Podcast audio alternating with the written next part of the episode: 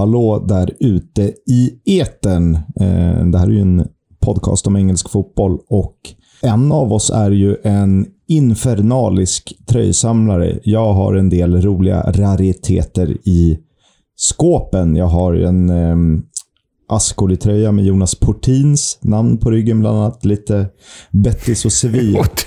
Ja, men Bettis och Sevilla-prylar. Jag fick en i egenskap av en baltisk broder så fick jag en eh, signerad Vytautas Andriuskevicius-tröja från hans tid i Djurgården. Eh, oh, lite blandat sådär Harry Kane och Ryan Mason, Nico Kranjčar, alltså EKT i egenskap av Tottenham. Och så ganska nyligen en Luton-tröja. Och Leo, du har väl typ om jag kanske har 40-50 så har du 300 tröjor? Ja, ja jag passerade 300-strecket i klassisk Jared Butler-stil där för ja, bara någon månad sedan. Eh, men jo, det fyller på så sakteliga eh, och har ju samlat ganska länge. Och de senaste nytillskotten är ju verkligen poddinriktade. Det är ju Swansea och det är QPR. Och eh, det är ju även Norwich, och det är ju inte i podden än, men lär väl snart vara. Och vad hade varit ganska nyligen om vi hade haft en podd för typ eh, ett halvår sedan eller något sånt där. Exakt. Men vi har ett lite roligt samarbete att presentera. Vi kommer att eh, erbjuda er lite rabatt när ni köper tröjor via Classic Football Shirts. Och det fina är ju om man var för ung för att uppskatta en tröja som, som såldes förr i tiden så kan man ju lägga handskarna, eller vantarna, eller händerna på den nu. Eller hur, Leo? Ja, jo, man, eh, man har ju faktiskt... Alltså, eh, det låter ju verkligen som att eh, vi bara säger det här för, för att det är ett samarbete. Men det är ju faktiskt så att jag sitter ju och plöjer den här sidan månatligen. Så jag tycker det är ett väldigt roligt samarbete att presentera. För jag har ju eh, köpt hem en mängd tröjor från den här sidan. Det finns eh, oftast ganska nya saker. Vi pratade så sent som förra säsongen. Vissa Riktigt eh, skumma klubbar finns till och med från nuvarande säsong. Men annars är det ju att man kan gå långt bak i tiden och hitta en Bristol City-tröja från 2003, eller en Norwich-tröja från 94, eller en Manchester United-tröja från 91, eller en PSG-tröja från 2010. Ja, ni förstår. Eh, det, finns, det finns mycket där, både högt och lågt och engelskt och eh, utanför öarna dessutom. Exakt, så råkar ni lyssna på den här podden men eh, håller eh, Ascoli Eh, mitt italienska favoritlag får jag nog ändå säga, eh, varmt om hjärtat. Ja, men då kan man göra sig ett fynd, eller det behöver inte nödvändigtvis vara fynd. Det finns ju rariteter som man inte vill missa. Och eh, ni kommer se på Twitter när, det här, när ni lyssnar på det här avsnittet så finns det en länk där ni klickar och eh, så uppger ni också koden som finns i tweeten eh, för att få 10% rabatt. Ja, och vi kan ju säga koden också. Det är alltså EFL-podden. Så får ni 10% rabatt om ni handlar på den sidan. Och eh, jag lovar er, går ni in där och har det minsta ögat för tröjor så lovar jag att ni kommer fastna där och bläddra bland materialet om och om och om igen. Så länken kommer upp både på Twitter och Instagram väl, antar jag? Det kommer den absolut att göra. Instagram också. Vi är inte riktigt lika stora där än. Och eh, vi har ju lovat varandra att vi ska välja varsin tröja och så gör vi ett gemensamt köp. Det kan ju vara lite smart om man vill spara en tullslant efter Brexit. Och jag vet att Leo är sugen på Blackburn 0203 bortatröja Hakan Şukur på ryggen. ja, den är stark. eh, mitt senaste inköp, jag vill bara säga var man kan hitta den, det blir väldigt lång eh, samarbetskräv. Mitt senaste inköp från sidan, det var faktiskt i höstas. En matchanvänd Bayer Leverkusen-tröja med Teddy Lucic på ryggen. Han använde den under en av sina elva matcher för den tyska klubben. Så sånt kan man hitta också, matchanvända prylar. Otroligt, otroligt. Har vi något mer eh, vi ska berätta? Jo, vi hade en liten rolig anekdot. Eh, tidigare i höstas försökte vi få till en intervju med en eh, spelare som vi tycker eh, var och är intressant för den här podden. Eh, då meddelade klubben att ni får vänta till 2022 och snälla som vi är sa vi absolut, eh, det kan vi göra. Så vi ska höra av oss till deras medieavdelning igen. Men eh, nu har samma scenario upprepats för dig, Leo. Ja, eh, det är en annan spelare i League One, ska vi säga då, som vi tycker är ytterst intressant, eh, som vi gärna pratar med. Och då har vi gått den officiella vägen, sökt klubbens eh, pressansvarige, och så fick jag svar nu häromdagen då, från den här klubben. Vi kan ju säga direkt att det ju inte handlar inte om en bjässe som Sunderland eller Sheffield Wednesday, utan det handlar om en klubb betydligt längre ner i den engelska fotbollshierarkin. Ehm, och eh, de, de svarade ju att eh, ja, det är faktiskt inte aktuellt eh, just nu att han ska göra en intervju med er. Och när det då handlar om en klubb, och alla får verkligen ursäkta nu som, som har den minsta anknytning till den svenska klubb jag kommer nämna. Men när det handlar om en klubb som inte ens är motsvarigheten till Englands Gävle, då känner jag så här, vad fan, borde ni inte bara bli glada av att det finns utländskt intresse för er klubb över jävla taget? Eller? Jo, jag tycker att det där är, det blir nästan småaktigt. Och eh, av respekt för klubben och spelaren så behöver vi inte nämna vilka det rör sig om. Men eh, det är bara tråkigt. Det är lite som två åker skulle börja nobba intervjuer. Och ibland kanske det inte är läge, men sättet det svaras på är ju lite för att göra det bekvämt för sig själv och slippa eventuella problem. Men det är lite, journalistik är ju väldigt viktigt även inom sporten för att få reda på saker. Ja, och, och som sagt, det är ju liksom en klubb som på sin höjd har lokal, eh, lokal eh, tidningar och eventuella motståndartidningar eh, som hör av sig till dem. Det, det, ja, nej, det är ofattbart. Det är ofattbart. Men det är någon lokal gazett som kanske gör en införrapport och langar lite player ratings. Men det, det är ju liksom... Ja, men Wigan har ju ändå något form av nationellt intresse. Eh, men eh, det Nej. har inte de här. Och så är, så det. är det. Vi kämpar på och så kan man ju tycka å andra sidan, vilka är vi? Vad har vi för storhetsvansinne som är en svensk podd som pratar om ett sånt här nischat ämne? Men vad fan. Så måste det ju vara. Och eh, nu blir vi lite positiva igen. Medan ni eh, lyssnar på det här så kan ni ju in på Classic Football Shirts via länken vi skickar. EFL-podden är koden. Hej ho, let's go!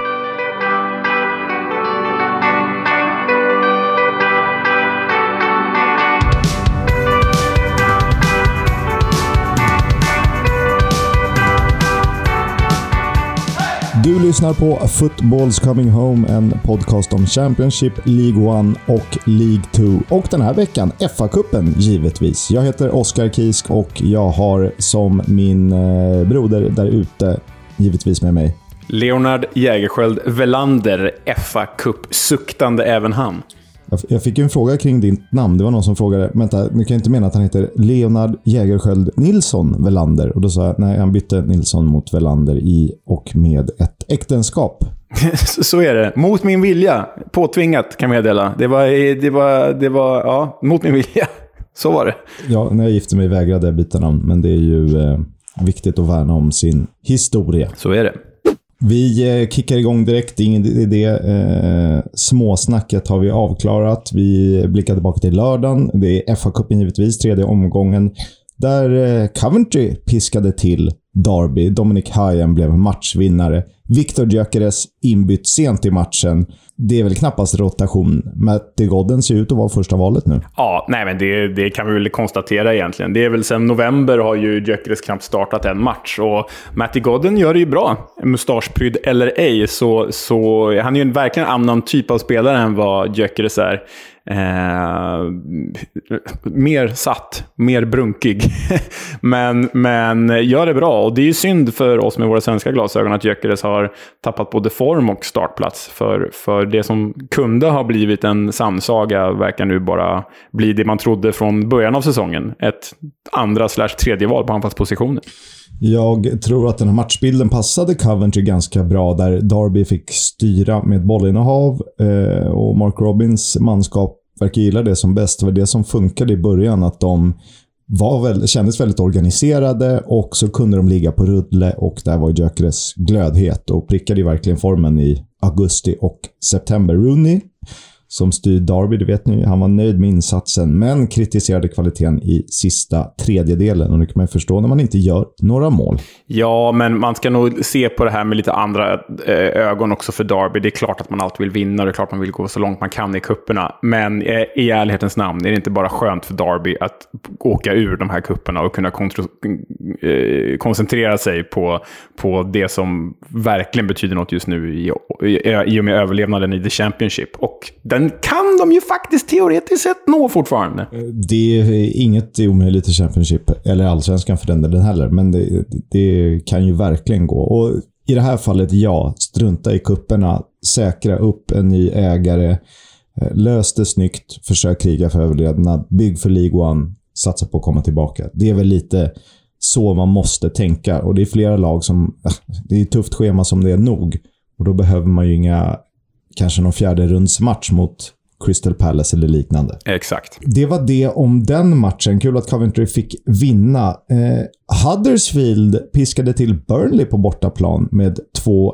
Jay Rodriguez, den, det klassiska namnet, gjorde målet för Burnley. Josh Koroma och Matty Pearson, ganska sent i matchens sista kvart, vände på steken. Och givetvis dubbla assist från Sorba Thomas. ja, och ett riktigt så här klassiskt Fifa-inspel och en hörna var det väl. Äh, men att Huddersfield lyckas vända på Turf Moor, det är ju starkt bara det. Eh, faktiskt riktigt läckert ledningsmål för Burnley, ska jag säga, om någon vill ta sig tid att titta på highlightsen. Men, men eh, det är också det här som är så spännande med de här kupperna. När lag i lite sämre form från en högre serie, serie Burnley, möter ett lag i uppgående form från en lägre serie, Huddersfield, ja, då då spelar serien inte så stor roll längre. Alltså, det var ju inte på något sätt orättvist att Huddersfield vände och vann den här matchen. Det var det absolut inte. Eh, Burnley hade ju bollinnehavet. Det kanske är lite uppseendeväckande om man vet hur Corberan vill spela. Eh, Huddersfield hade dock avsluten överlag 4-4 i skott på mål. Men man undrar egentligen hur mycket som skiljer från sjätteplatsen i Championship till vad nu Burnley ligger eh, nedre mitten i Premier League. Nu när liksom topp tre i Premier League, eller om man vill kalla dem några fler, de har sprungit, de spelar liksom en egen division. Ja, jo, men det gör de ju verkligen. Och Burnley är ju på intet sätt eh, säkrade från någon nedflyttningsstrid i, i, Premier League. Så vem vet, vi kanske sitter här om ett halvår och pratar om dem i de här poddsammanhangen återkommande. Men eh, kul för Huddersfield. De förtjänar det här. De spelar ju bra. Det gör de. Sjunde raka utan förlust. Eh, de, har liksom, de började ju ganska starkt, såg ut som en playoff-utmanare. Sen dalade formen lite och eh, vi undrar vad de höll på med. Men eh, nu är de tillbaka igen ser ut att kunna utmana och det är frågan om vi om typ en månad står och säger jaha, vad har hänt med Huddersfield nu? Nu dalar formen igen. med Sorba Thomas i form så eh, är det svårt att vara ett dåligt lag, tänkte jag säga. Så är det.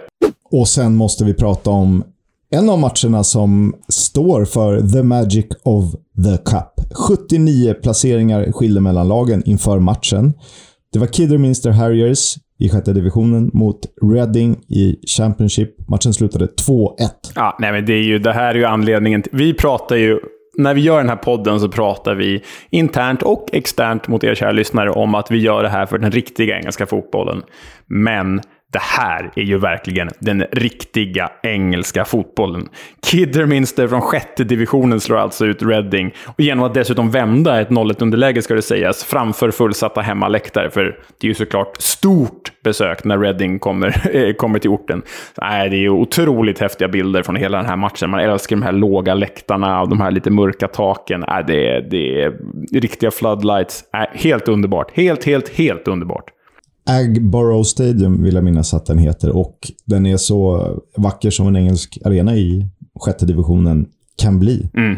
Såklart. Mm, ja, ja, verkligen. Jag ser det här i körschemat du har ju skrivit att 1-1 målet, alltså Kidderminsters 1-1 mål, är väldigt svagt. Ja, alltså det är ju det är väl en direkt dundertabbe av brasilianska målvakten Rafael Cabral, får man väl säga. Det är det, och det hjälper inte att eh, försvarsspelet är eh, direkt oorganiserat. Nej, exakt. Rafael Cabral som väl stod, var första keeper i Serie A i ganska många år, typ Verona och sådär. Men nu är han ju andre slips bakom Southwood egentligen. Så är det. Och segermålet är en enda stor röra runt Cabral. Eh, bollen är inne. Morgan Smith i Kidderminster är sist på bollen. Och eh, ja, mål blir det oavsett vad någon annan tycker eller inte. Det var otroligt härligt. Och om man bara får flika in det här med FA-cupen. Det är ju lätt när du tittar på ett lag i toppen av Premier League att säga lufta juniorerna när det blir FA och ligacupen och liksom satsa på Champions eller Europa League eller vad du spelar och Premier League såklart. Men jag tycker det är så härligt nu när vi verkligen fokuserar på att blicka neråt i divisionerna hur, hur mycket FA-cupen betyder. Och i Sverige, det är klart att det är stort, men det blir lätt eh, fokus på att satsa på ligaspel och eventuellt Europa och se det här som någon slags reservlagsturnering. Därför är det så härligt när eh, David mot Goliat-berättelserna får liksom, får liksom ske. Och jag, jag, jag, vi måste lyssna på jublet vid slutsignal från Agborough Stadium.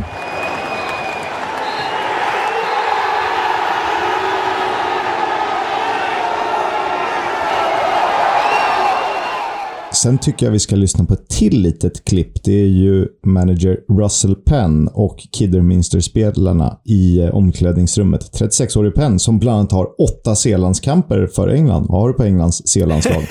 ja, och det enda, enda jag har är att Russell Penn har spelat där, höll jag på att säga. Uh, för jag uh, tror väl att uh, C-landslaget är helt amatörbaserat, va? Ja, så det stämmer nog. Jag tror att vi har varit inne på det här tidigare och du har informerat mig om det på exakt samma sätt även då. Utanför IFL alltså, under League 2 tror jag det var förut. Det kanske har förändrats i och med att de är ju halvproffs, vissa av dem i Vanarama och Blue Square och allt vad det heter. Men eh, vi lyssnar på Russell Penn. bit emotional, so if I cry, uh, bear with me. Okay. Mate, we've got something special going on. Let's shush, shush now, shush now. Full of energy, full of emotion. Calm down. So at the start of the season, we believe we can do things. Oi, FA Cup, fourth round.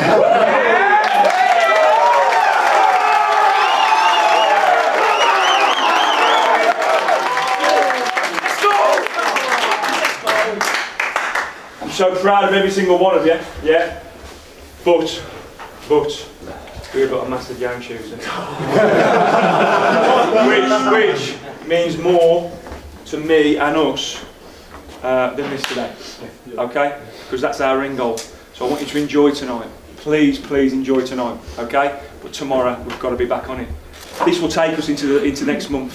5th of February, we've got seven games between now and then. Seven. Okay? To get 21 points. Alright? One game at a time. I am so proud of every single one of you started, come on, didn't come on, not on the bench in the stands. Because this as a group, as a collective, something special there. Fourth round, we ain't done that in 35 years. But we're doing it now, vad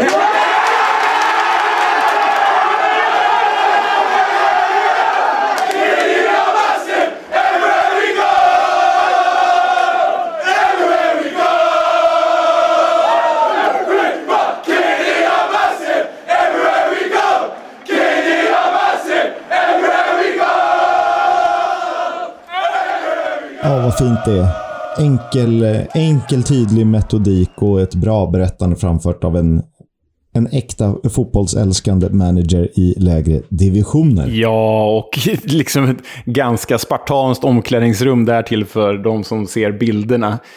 Eh, men man gillar det ju. Det är ju ett segerrusigt, äkta engelskt omklädningsrum. Det är, ju, det är ju fantastiskt. Och det här blir ju på många sätt eh, säsongens höjdpunkt säkert för Kidderminster Harriers. De, de kanske inte går upp, de kanske inte åker ur i sin serie, men de har slagit ut Reading eh, från The Championship. Och det är ju stort nog för alla. Det är fantastiskt. Det är det givetvis.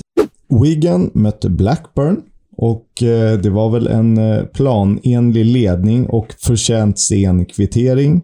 Men eh, vi ska inte hänga ut någon, men den här förlusten för Blackburn tillskrivs ju tyvärr deras målvakt Ainsley Pierce. Han har ju hållit nollan i de dryga 200 minuter han har spelat den här säsongen i ligan.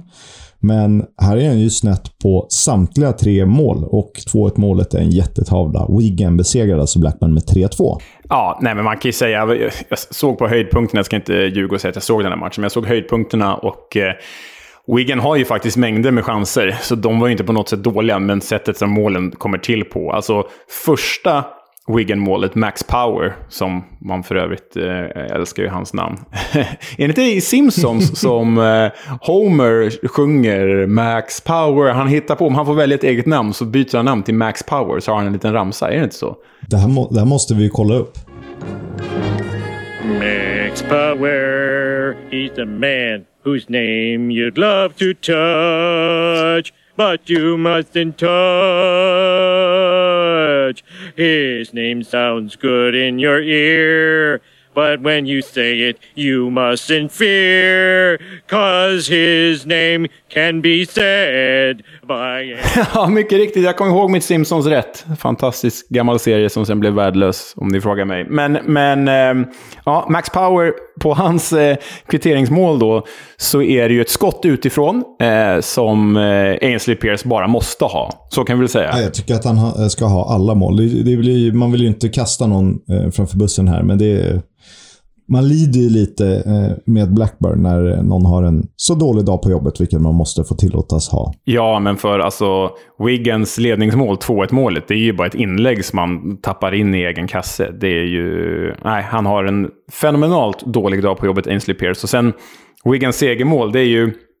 Man kan ju säga att eh, Ainsley Pierce kanske borde stått bättre, men det är ju faktiskt ett fantastiskt avslut av Telo Asgård också. Var det inte Telo Asgårds pappa som eh, var inne och likade oss på Twitter förresten, när vi nämnde honom i ett tidigare avsnitt? Jo, eh, han är ju eh, via sin pappa 50% eh, norrman och via sin moder 50% fransk. Och, men han är född i, eh, i Liverpool. Vilken, eh, vilken trio det kan vara. Just det, och pappan var typ så professionell violini, violinist eller något sånt där i England. Så var det. Just det. ja. Men till Telo Åsgårds pappa du Dufena fortsatte like våra tweets. Verkligen. Om man tänker på Wiggans form i League One och funderar på Blackburns tunna trupp och kanske fokus på ligan nu när det går så fruktansvärt bra där, så är det ju ingen jätteskräll. Alltså, att det skiljer en division tycker jag inte ska eh, ta för stora proportioner. Wigan är ju faktiskt bra den här säsongen. Ja, Wigan är jättebra och eh, man ska inte räkna med någonting, men är ju absolut en favorit till att gå upp från League One. Och Blackburn, likt Derby, är väl egentligen bara glada Eh, bli av med eh, eh, kuppschemat, även om kuppen är fantastisk när det går bra. Precis så är det. Och sen eh, kommer vi till den match jag såg mest av i helgen. Jag försökte alla gick ju på, på tv, så man kunde ju scrolla och eh, vad heter det? sappa heter det, mellan olika sändningar. Men det var Barnsley mot Barrow. Den slutade 5-4 och jag klev väl in ungefär vid 2-2.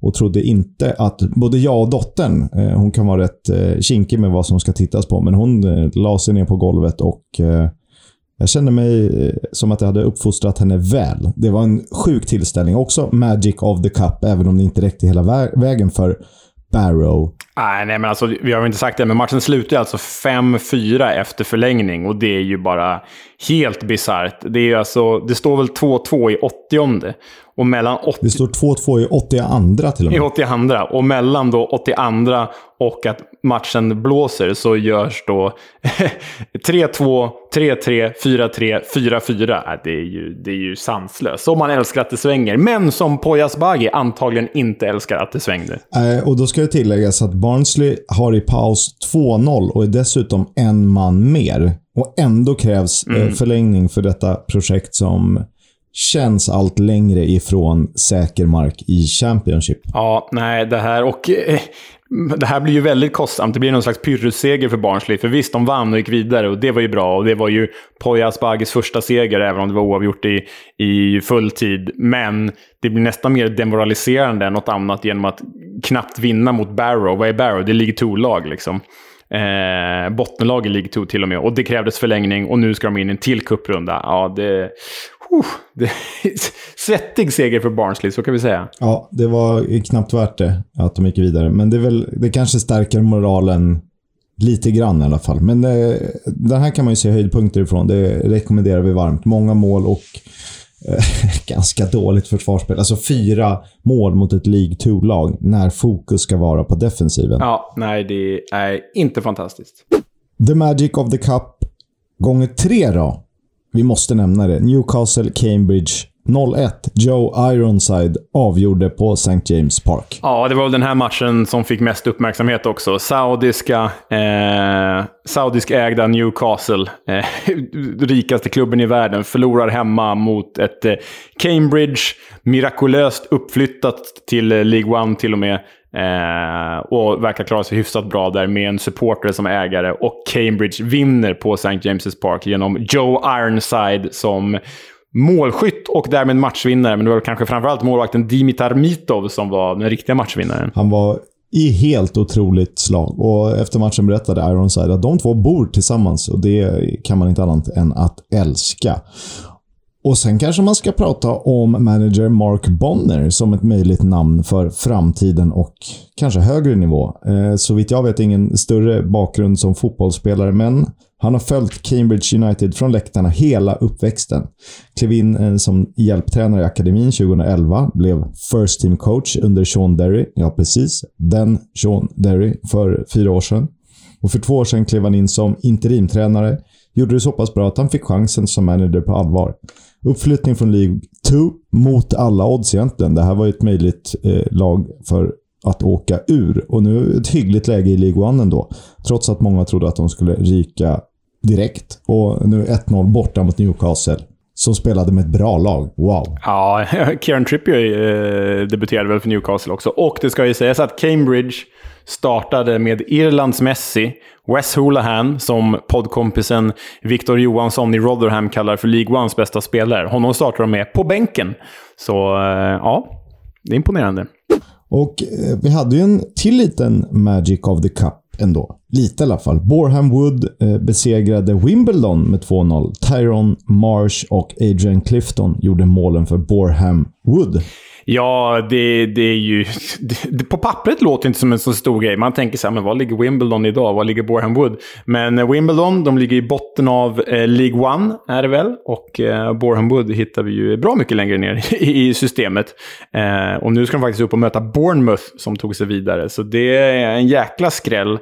Eh, Synd, synd på Wimbledon, men jag undrar ju faktiskt om den framgång de kan få. Men visst, det är ju kul när Boreham tvålar dit en jätte i sammanhanget. Såklart är det så. Det är det, och de får i runda slängar en miljon kronor för den här segern, vilket är stora pengar för ett lag som har lidit väldigt mycket i pandemin. Och det var de väldigt tacksamma för efter matchen.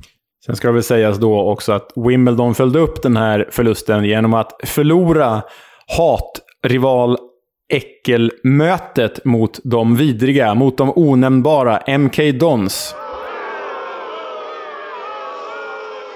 Med 0-1 eh, i League One. Så tuffa dagar för Wimbledon.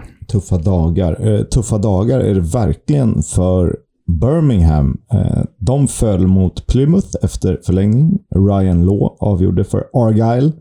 Och eh, det mest historiska med den här matchen var att Rebecca Welsh blev första kvinnliga domare att ta hand om en match i FA-cupens tredje runda. Mm, och eh, det ser ju väldigt...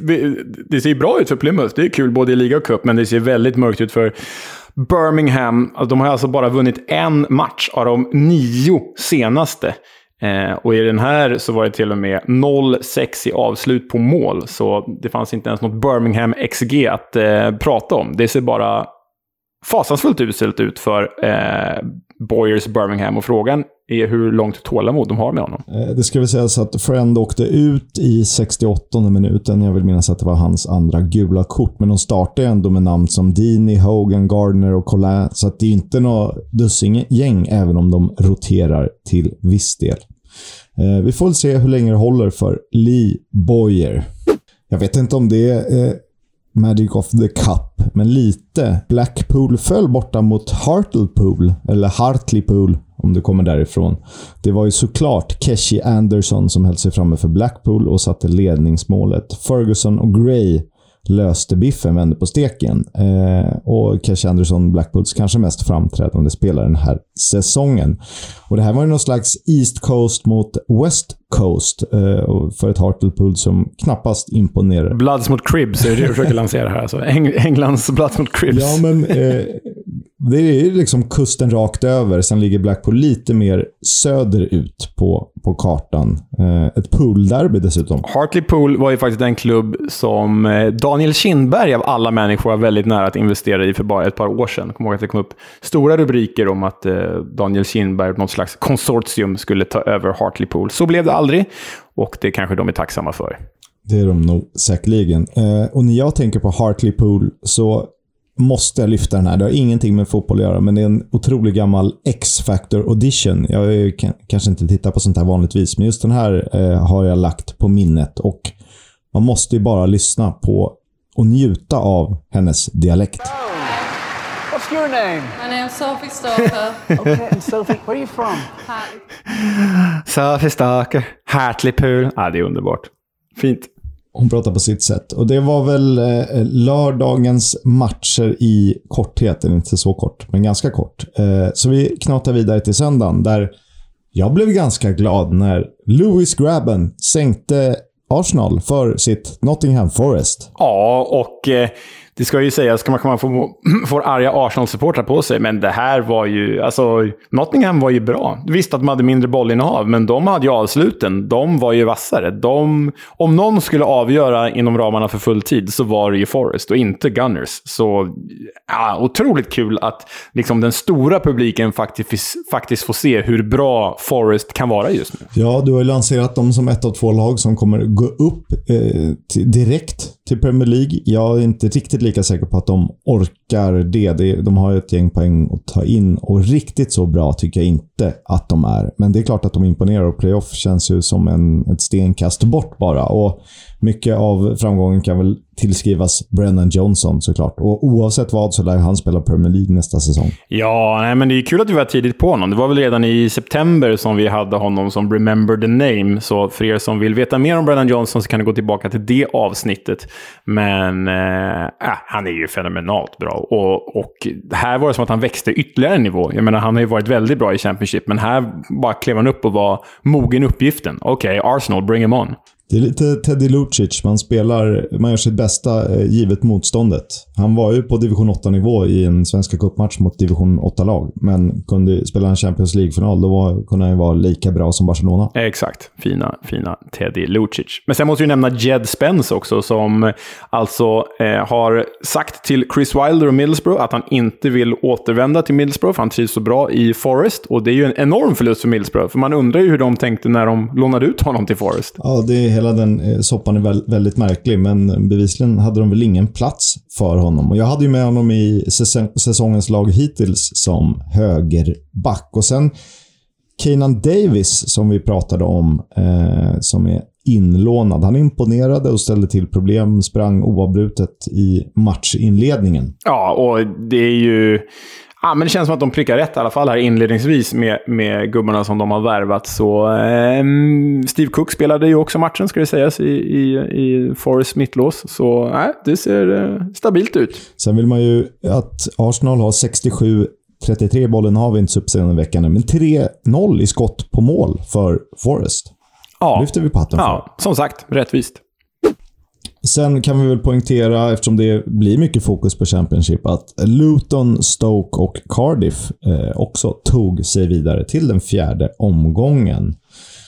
Det spelades en veckomatch, den som skulle ha spelats ikväll, eh, givet när vi spelar in den här podden, blev uppskjuten. Det var väl Barnsley-Stoke som inte kunde fullföljas. Mm, och istället fick vi njuta under tisdagen av Reading 0, Fulham 7.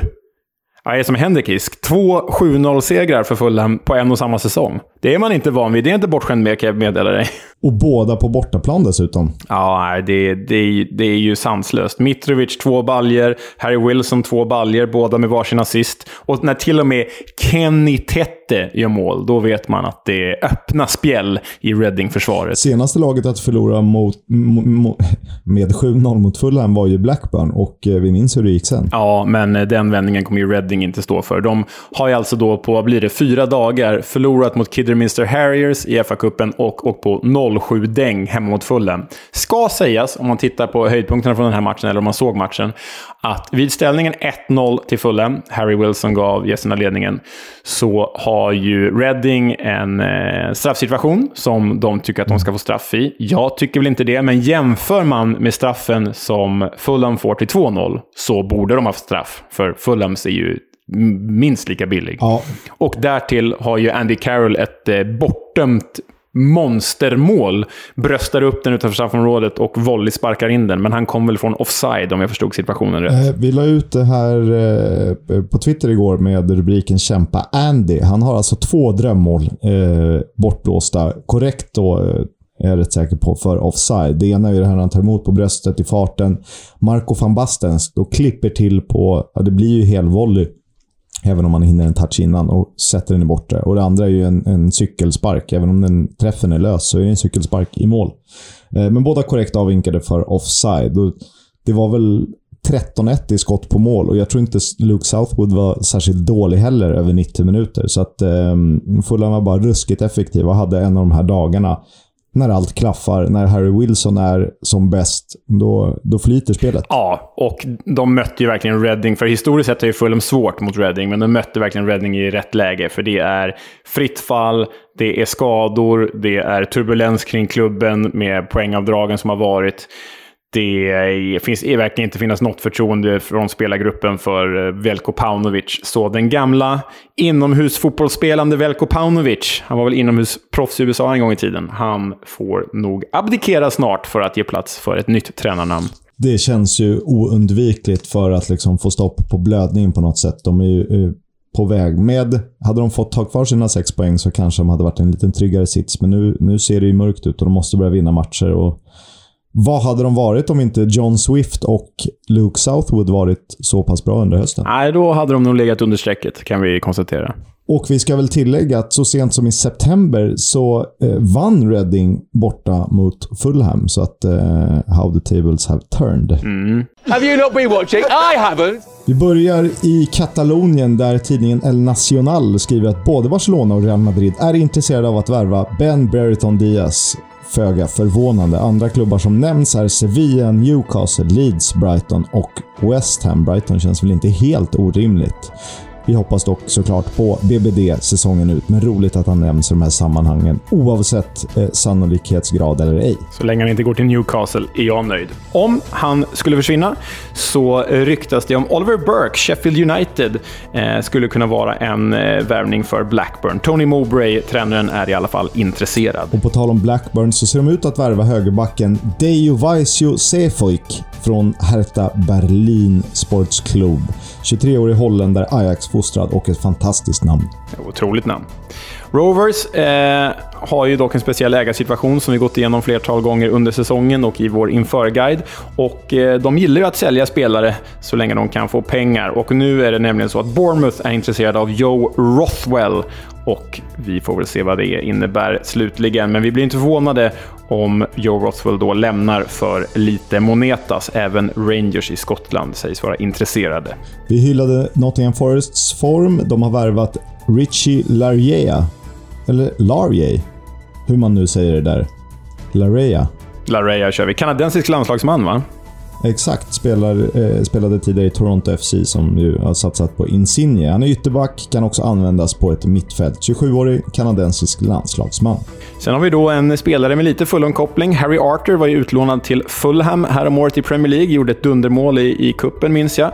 Nu återvänder han till Nottingham Forest efter en lånesession i Charlton. Frågan är om det finns plats för den ganska sävlige men hårt skjutande mittfältaren. Jag läste en rapport kring honom. Det var, den var väldigt konstigt skriven. Det var typ Forest-supportrar som hade någon bra sajt. Där stod det att eh, chansen att han kommer lånas eh, ut igen, osannolik. Chansen att han kommer få mer speltid, osannolik. Så jag vet inte riktigt vad de tänker kring Harry Arter.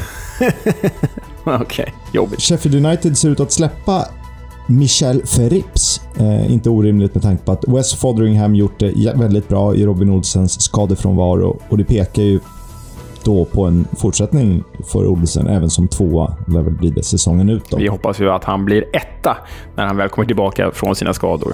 Såklart. Bournemouth sägs ha satt prislappen på 50 miljoner pund för 23-årige försvararen Lloyd Kelly. Eddie Howe vill ha honom i Newcastle, har ju alltså tränat eh, Bournemouth tidigare, så han vet ju vad Lloyd Kelly innebär. Eh, det är mycket pengar.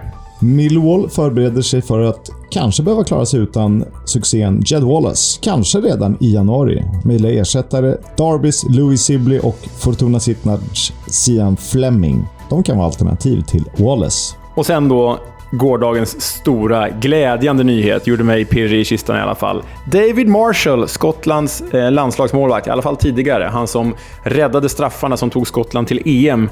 Eh, han lämnar Derby. Derby blir av med en tung lönepost och har skrivit på för Queens Park Rangers säsongen ut. Detta då Senny Dieng är iväg på Afrikanska mästerskapen och Marshalls skotska landslagskompis Jordan Archer skadade sig olyckligt i FA-cupen och eh, kommer missa flera, flera veckor.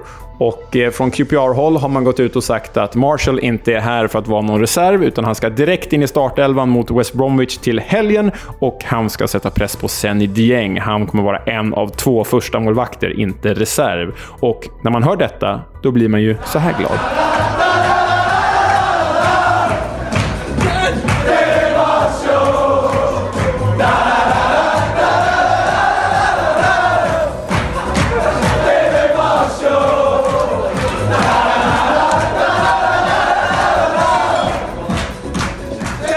Den här är ju lätt att klicka på repeat. Jag vet inte hur många gånger jag har hört den. Den, är, den blir bättre och bättre för varje gång. Den bara växer.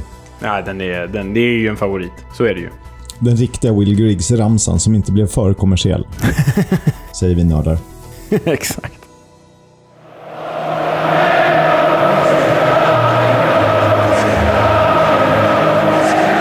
Footballs Coming Home sponsras av Stryktipset, ett spel från Svenska Spel, Sport och Casino. För dig över 18 år. Stödlinjen.se. Lördag 16.00 Derby County Sheffield United. Och ska Derby kunna fortsätta störa de stora klubbarna i serien? Ja, vi får väl se. Nu, när är det på allvar dags för Sheffield United att blicka uppåt? De går mot femte raka segern medan Derby kan spela sin femte förlustfria match i följd. Gästerna har ett av, en av ligans högsta toppar i Morgan Gibbs White, medan Derbys trygga, rutinerade lagbygge, anförda av Wayne Rooney från sidlinjen, imponerar. Och de kan ju gå om Barnsley om alla resultat vill sig väl. Har du något du ser fram emot i helgen, Leo? Ja, men jag flaggar nog lite för att Poyas Bagi kanske går mot en första seger. Det finns inte mycket som talar för det, mer än att de möter Blackpool, detta ojämna Blackpool på hemmaplan. Det känns som att Barnsley skulle kunna nypa en trea där, inte för att det kommer hjälpa så mycket i längden kanske, men den kommer jag hålla extra ögon på. Och sen, som vi nämnde då, David Marshall debuterar för QPR hemma mot West Brom. Behöver man säga mer än David Marshall och QPR? Nej, den matchen ska jag se. Det har blivit dags för vårt viktigaste segment, men som fortfarande inte har något namn. Men jag kallar det klubben. Leo säger The Club. Det är i alla fall en profil varje vecka. Vi har börjat med klubbar. Snart ska det väl bli spelare. Och vi betar igenom Championship till att börja med. Och eh, ta gott emot, som Skavlan säger, Leonard Jägerskiöld Nilsson, tänkte jag säga. Du heter Leonard Jägerskiöld Velander. Och du ska prata om Bristol City.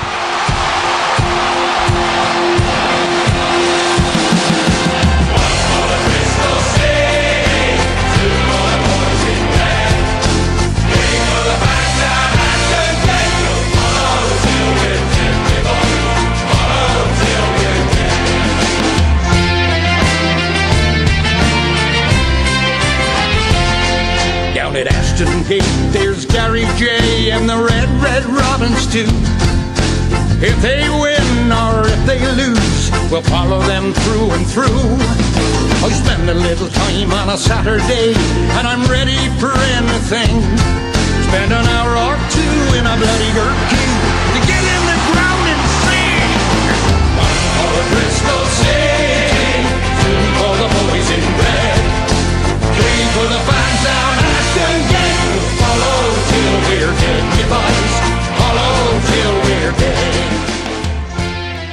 Ja, och frågan är ju då hur man gör Bristol City intressant. Själv eh, är jag ju lite svag för The Robins. Eh, en av många klubbar man är svag för. Och du var ju tidigare under säsongen inne på att de känns ganska intetsägande. Tills du vände då här om veckan. Men historiskt sett så är de ju ganska intetsägande. Vissa klubbar har ju liksom funnits något självklart att hänga upp berättelsen på. Och andra inte. Och frågan är om The Robins, som de kallas, kan vara en av de senare. Vi får se. Vi börjar i staden. Bristol ligger i sydvästra England vid floden Avon och mittemellan Gloucestershire och Somerset. Nära den walesiska gränsen ligger Bristol och är därmed också sydvästra Englands största stad med närmare en halv miljon invånare. Givet stadens läge längs floden Avon som mynnar ut i den betydligt större floden Severn. Vi har ju nämnt Severn-side-derbyt mellan Cardiff och eh, eh Bristol tidigare. Så Wales ligger ju på andra sidan floden där, som ni säkert kommer ihåg. Men i och med det här läget så har ju Bristol historiskt sett varit ett hamn, en hamnstad av stor vikt. Det var härifrån som italienaren John Cabot, eller Giovanni Caboto som det heter på italienska, lämnade Europa för Nordamerika 1497 och blev den första europé att nå Kanada sedan vikingarna. Men det var också härifrån som slavarna skeppades över Atlanten. Mellan år 1700 och 1807 seglade över 2000 slavskepp med över 500 000 slavar till Nordamerika. Människor ursprungligen från Afrika förslavade. Bristol och franska Nantes verkar ha varit de två slavskepps städerna. Mycket tråkig historia där förstås. Mörk historia. Idag är staden dessbättre byggd kring medieindustrin, elektronik och rymdresor. Bristol är en universitetsstad, har två universitet och är en av Storbritanniens faktiskt mest besökta turistorter. Det visste inte jag. Nej, det hade, jag, det hade jag nog inte kunnat tänka mig. Man borde kunna gissa att någon så här Brighton ligger före. Men eh, spännande. Mm, tydligen så att eh, en av mina favoritserier, Sex Education, mycket humoristisk, är inspelad i, i och kring Bristol. Mycket natursköna bilder där. Eh, kan jag rekommendera för den som vill se lite hur Bristol ser ut. Eh, därtill utsågs Bristol till bästa stad att bo i i Storbritannien 2014 och 2017. Samt att Bristol fick European Green Capital Award 2015. Så det är ju en uppenbarligen väldigt progressiv och trevlig stad då. Vad gäller kända personer från Bristol så landar vi kanske allra främst i Banksy. Ni vet, eh, vad säger man? Gatukonstnären Banksy. Geniet Banksy. Geniet Banksy, ja. Och det här innebär att staden är nedlusad med Banksy-konst. Musikmässigt kommer Massive Attack och Portishead härifrån. Medans... Räcker upp handen här borta. Ja. Eh, det ryktas ju enligt vissa, eller vissa, vissa tror att Robert Del Naya, eh, frontfigur Massive Attack, är Banksy. Men eh, hans identitet, eller personens, eller gruppens identitet, är ju alltjämt inte avslöjad. Det hade ju varit helt sjukt om eh, Banksy var både Banksy och en del i Massive Attack. Det vore ju otroligt. Även den idag väldigt hårt kritiserade författaren J.K. Rowling kommer från eh, Bristol. Ni vet Harry Potters eh, skapare. Hon har ju varit väldigt hård mot eh, trans och hbtq-människor eh, och därmed har hon hamnat eh, i något eh, slags eh, blåsväder. John Cleese, en personlig favorit, eh, hjärtat i Monty Python kanske. Han är född i Bristol och Bristol City-supporter. Och vill man höra typisk Bristol-dialekt så ska man förstås lyssna på fotbollens egna Ian Holloway som är uppväxt där. been crazy, but hopefully we can bring some sanity to it. That seems mad that I'm saying that. Men före vi går in på själva fotbollen så kanske det mest kända ur Bristol ändå är skalan med samma namn. Vi touchade på det lite förra veckan och det är ju Bristol-skalan. Och vad är det egentligen, Kisk? Eh, Jag var tvungen att göra research. Det här är ingenting som har gått och jäckat mig tidigare, men nu blev jag nyfiken. Och det handlar väl om eh, i vilken, eh, vad ska man säga, hårdhet eller densitet människors avföring har. Exakt, ja, väldigt väl sammanfattat. Bättre än vad jag någonsin hade kunnat säga. Exakt, det är en sjugradig skala. 1 till 7, där 1 är liksom sjukligt hård avföring och 7 är sjukligt lös avföring. Och så eh, det här skapades då 1997, den här skalan, för att eh, ja, men läkare skulle kunna bedöma patienters avföring. Vad har det med Bristol att göra? Vet du det? Ja, det kommer från eh, ett av Bristols universitet, där man myntade skalan. Ah. Så är det med den saken. Fotbollsklubben Bristol City då? Jo, den grundades 1894 under namnet Bristol South End. De kommer ju från de södra delarna av staden. Och faktum är att The Robins, eller Rödhakarna på svenska, har spelat hela sin existens, förutom 11 år, i andra eller tredje divisionen i England. Och det är ju ett facit som återspeglas i prisskåpet. De har nämligen aldrig vunnit något mer än andra och tredje divisionen, samt den hyfsat bisarra angloskotska kuppen som var liksom aktuell på 70-talet. Typ Storbritanniens Royal League kan vi kalla det va? Ja, och sen finns ju också Anglo-Italian Cup som är något märkligt påfund. Det, eh, det råkar jag veta eftersom jag eh, ja, kollat rätt mycket på Ascoli genom åren. Att Ascoli mötte Notts County och förlorade finalen typ 94-95. Jag förstod aldrig riktigt syftet med den. Men, men kul för dem att tävla lite. Ja, verkligen. Bristol City har ju dock också vunnit Football League Trophy. Den här ja, men ligacupen för eh, lag längre ner i, i systemet, kan vi kalla det. Men vi ska inte gå händelserna i förväg. Bristol South End bytte namn till dagens City efter blott tre års existens, då klubben professionaliserades 1897. Fyra år därefter, 1901, ingick de i IFL för första gången någonsin och började då i andra divisionen. Eh, de blev då blott den tredje klubb söder om Birmingham att ingå i det IFL. Endast Woolwich Arsenal, alltså Arsenal idag, och Luton Town var före Bristol City. Viktigt att du fick in Woolwich där. Ja, exakt. På den här tiden fanns inte smeknamnet The Robins. Istället gick de under epitetet Bristol Babes på grund av deras unga profil och sköna spel. Och det här sköna spelet såg till att de slutade på andra plats i högsta serien 1906-1907. En placering de inte har slagit sedan dess alltså. Och detta var ju klubbens storhetsperiod, så deras första och hittills enda fa Cup-final nådde de 1909. En final som de förlorade på Crystal Palace mot Manchester United. Det var ju alltså ett kristallpalats som användes till världsutställningen och tydligen då fotbollsmatcher en gång i tiden. Det brann ju ner sedermera. Men det är ju därifrån klubben Crystal Palace har fått sitt namn. Därefter försämrades resultaten och efter att klubben degraderades våren 1911 tog det 65 år innan Bristol City var tillbaka i finrummet igen. Mellan 1911 och 76 1976 åkte klubben jojo mellan andra och tredje divisionen och enda höjdpunkten var bisarrt nog när klubben deltog i Walesiska kuppen och vann densamma 1934 genom att slå Tranmere Rovers i finalen. Vad är bakgrunden till att de var med? Är det egentligen bara närheten, eller? Nej, för Tranmere Rovers är ju... Kommer väl, Tranmere kommer från Liverpool, va? Uh, jag kollade den här säsongen. Det var några engelska inslag, typ tre, fyra stycken. Men jag vet inte varför. Uh, men de var med och de vann i alla fall. He hel engelsk final i Walesisk cup. Lurigt. Ja, och så var det då som sagt först 1976 som Bristol City var tillbaka i högsta serien igen. Och det tack vare managern Alan Dix, Julian Dicks pappa. Bristol City fans beginning to shout and cheer a little louder, and it's all over, and Bristol City have come back to the first division with a victory. The last time the sides met was 1919-1920.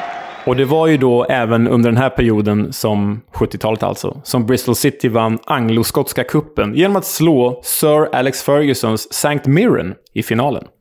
Mäktigt. Riktigt mäktig historia där. Men Bristol Citys andra sejour i högsta serien blev dock kortvarig. De kom på trettonde plats som bäst och åkte faktiskt ur igen redan efter fyra år, 1980. Och skulderna ökade, intäkterna minskade och de sportsliga resultaten uteblev. Klubben var i fritt fall och genomled därför tre raka nedflyttningar. 1980 till Division 2, 1981 till Division 3 och 1982 till Division 4. Och väl nere i fjärde divisionen så gick de i konkurs. The rot didn't stop there. Next season, City were relegated yet again to the fourth division, and they established a new record. They were the first ever team to be relegated from the first to the fourth division in successive seasons.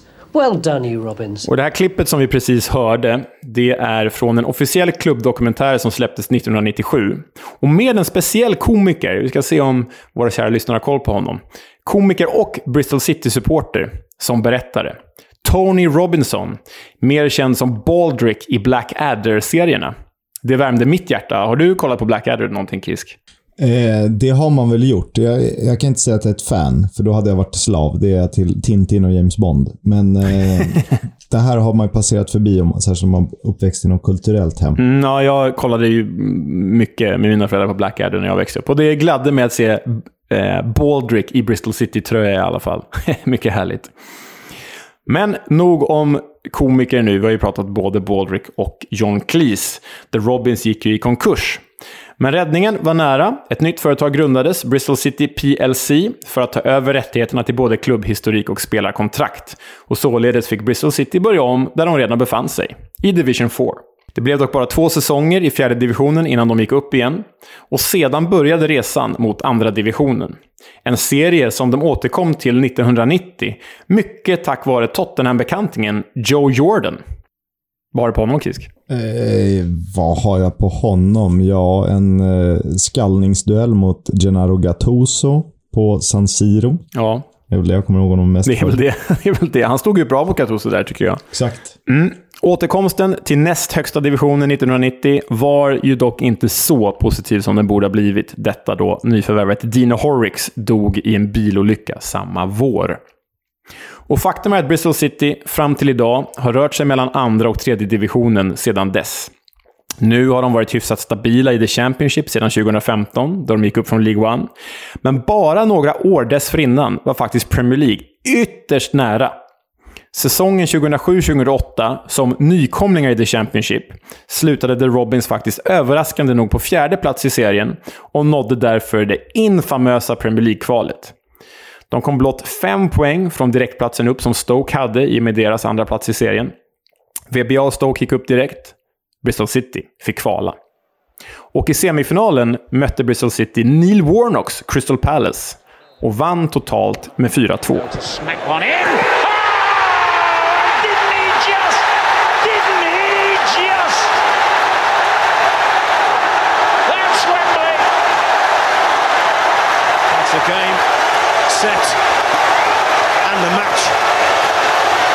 Tell you what, we have had some spectacular goals in this tie, in both legs.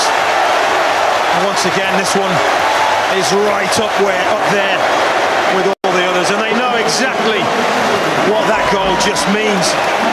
Simplicity itself, touch to the side, and look at the way the ball bends. He's telling him exactly where he wants it, strikes it, strikes across it, and just the ball moves in the air so much. And it takes it well away from Julian Speroni. And look at the contrast of emotions on those managers. And even even Neil Warnock has got to applaud that for a strike. Well, fair play to Neil Warnock, but those Bristol City boys. well, they- Och i finalen på Wembley så stod Hull för motståndet. Och den här fighten har vi gått igenom förut i avsnittet om The Tigers, men jag tycker att vi lyssnar igen. Unfashionable certainly, but there will be a new destination for the Premier League sat-navs next season. Will it be a new Western outpost though, or will it be the East Riding of Yorkshire? Windass to his right, Campbell to his left. Hull City's top scorer, Fraser Campbell. A slip by Lewis Carey. Windass! Quite simply, destined to be from Dean Windass.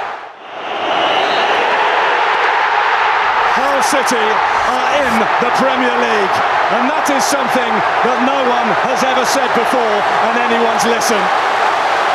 Dean Windass's wonderful, magical goal, the cleanest and purest of strikes, has meant that his boyhood dreams and that of a footballing city have come true here in North London this afternoon. Och nej, som ni vet så blev det ju inte Premier League den gången för Bristol City. Och har hittills heller aldrig blivit. Då, 2008, hette managern Gary Johnson och några av de mer framstående spelarna var Bradley Orr, Jamie McAllister, vår poddkompis Lee Trundle och managerns son Lee Johnson. Fina Lee Trundle, eh, som ju spelat i Bristol City och Swansea och eh, förenar de klubbarna i sin, sitt hat mot Cardiff. Ja, för det kommer vi alltid älska, Lee Trundle. Men Lee Johnson var det ja. Gary Johnsons son, tränarens son. Det var just under Lee Johnsons ledarskap som The Robins fick jubla lite igen i alla fall på, i modern tid. Lee Johnson tog nämligen över tränars, tränarsysslan våren 2016, alltså åtta år efter den där kvalfinalen han spelade, och fick snabbt ordning på skutan. Bland annat genom att stabilisera klubben som ett mittenlag i The Championship och framför allt genom deras sanslösa semifinalplats i ligacupen då de bara körde över Premier League-motstånd efter Premier League-motstånd. Det här är ju då våren 2017 blir det, eller våren 2018 till och med. Då slår de först Watford med 3-2. Sen avfärdar de Stoke med 2-0. Sen slaktar de Crystal Palace med 4-1 innan de slår Manchester United med 2-1 i kvartsfinalen. Offside flag. Oh, what a moment that is! Just listen to that! Joe Bryan, he's the one to step up and carve out his own bit of cup folklore for Bristol City. Options here. Reed was one of them, but Shaw had tucked in. Still life in this perhaps for Bristol City. In by Taylor. It's Smith!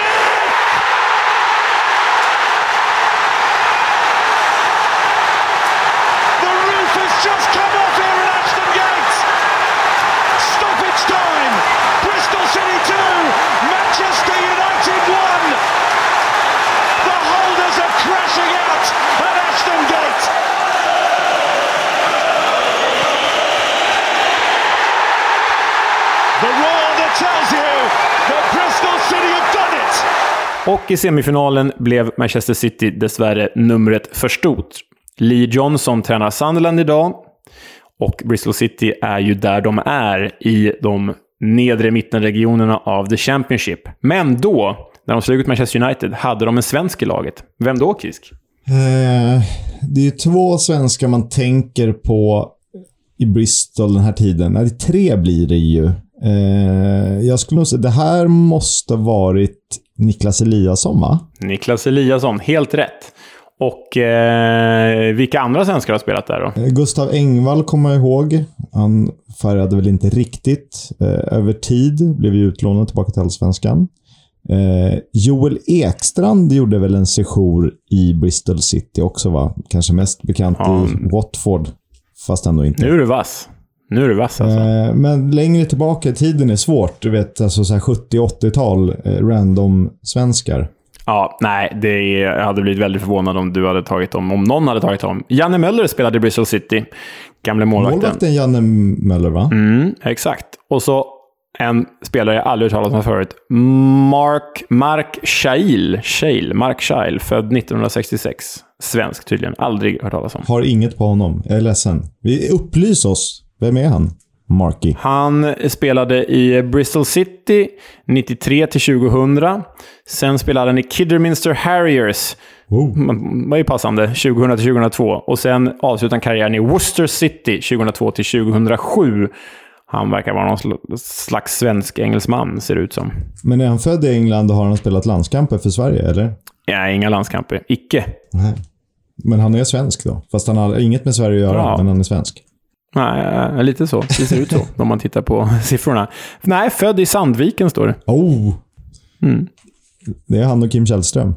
Ja, så är det. Och Frida Nordstrand också va? Kul med Bristol City, men jag tycker ändå att så här, det du berättar nu, man, man hittar ju inte allt. Man missar alltid någonting. Vi hinner inte riktigt med allt, men det känns ju som att det här anonyma Bristol City vi har pratat om eh, även speglar deras historia. Ja, det gör det ju. Alltså, här har man ju... Visst, det är en kul grej att de mötte Sir Alex Ferguson och St. Mirren i angloskotska kuppen.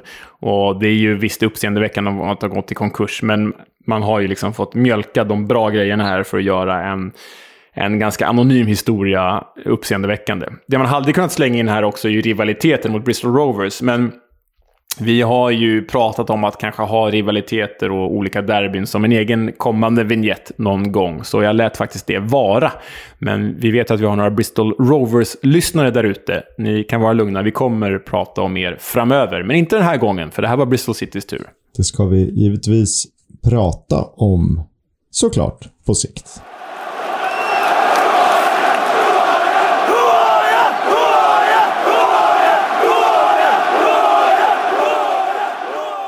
Ja, nu har det blivit dags att ställa varandra mot väggen.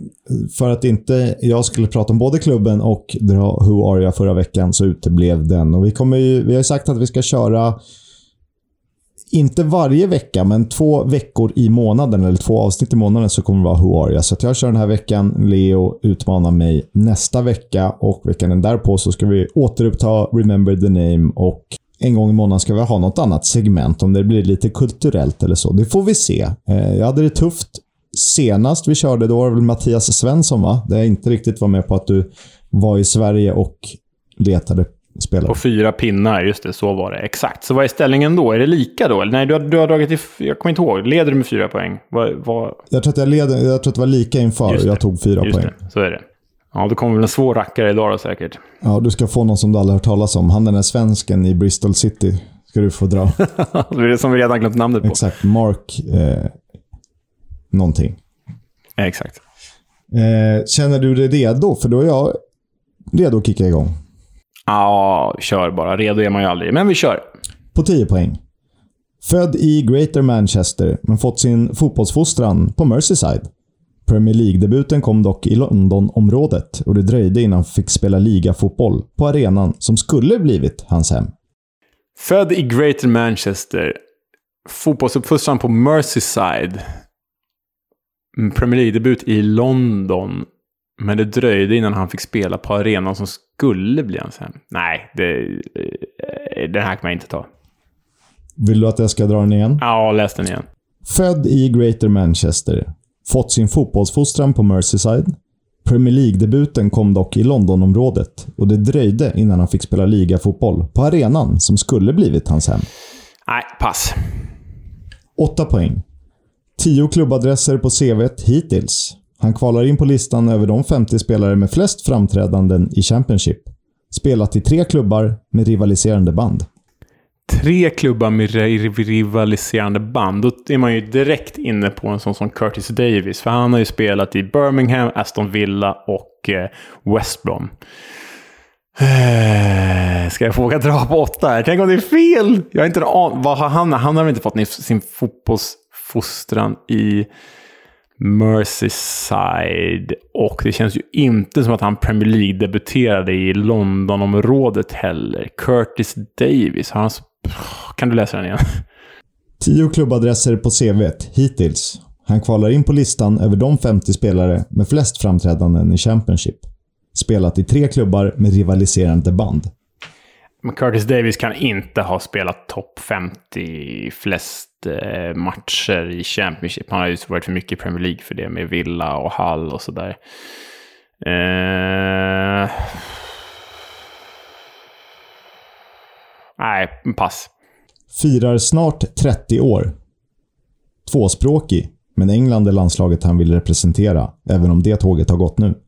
Dock varit juniorlandslagsman. Gjort färre Championship-mål än Cameron Jerome, men fler än Kevin Phillips. Jaha, det är en anfallare vi pratar om alltså. Vad fan är det här? Kisk? Det här är Helt omöjligt ju. Ehm, vad sa du? Han har gjort färre mål än Cameron Jerome, men fler än Kevin Phillips. Uh, nej, läste den igen. 6 poäng alltså. Firar snart 30 år. Tvåspråkig, men England är landslaget han vill representera, även om det tåget har gått nu. Dock varit juniorlandslagsman. Gjort färre Championship-mål än Cameron Jerome, men fler än Kevin Phillips. Nej, den här kommer jag inte ta alltså.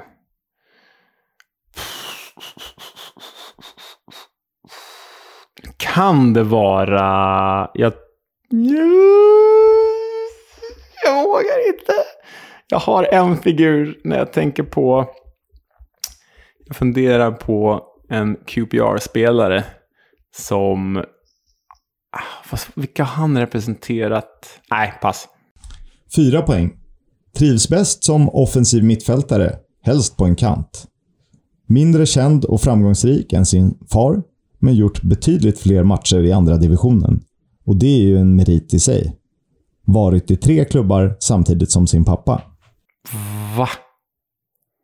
Vem är det här? Är det den QPR-spelaren? Jag tänker att det är, men jag har ju ingen aning om, om vem, vem han skulle ha som pappa.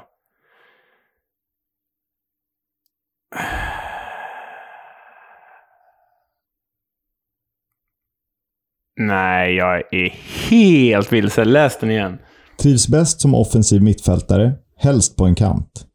Mindre känd och framgångsrik än sin far, men gjort betydligt fler matcher i andra divisionen. Och det är en merit i sig. Varit i tre klubbar samtidigt som sin pappa. Nu fick du liksom mig att tänka på typ Sean Wright Phillips, men han har ju inte spelat i The Championship. Oh, Kisk, vad är det här? Jag kommer bara gå ner på två poäng alltså. Satan i gatan. Jag har ju varit inne på Curtis Davis, men det kan det inte vara, för jag har ingen London-koppling där. Och nu QPR-killen jag pratar om är Albert Adoma. Men jag har liksom ingen aning om han har någon pappa. Eh, Eller pappa har han förstås, det förstår jag också. Ja, obviously. Mm, och jag jag får inte in, Albert Adoma får inte in det här med att han skulle ha spelat tre rivaliserande Nej, jag måste ner på två poäng. Fuck! Jag gjorde det svårt för dig eh, medvetet. Nej! Nej, nu vet jag ju vem det är. Det måste ju vara... Nej. Nu är jag inne på Jamie Red... Nej, du får gå ner på två poäng. Jag är inne på Jamie Redknapp nu, men det är nog fel. Har bott i Italien, men aldrig representerat någon klubb utanför England.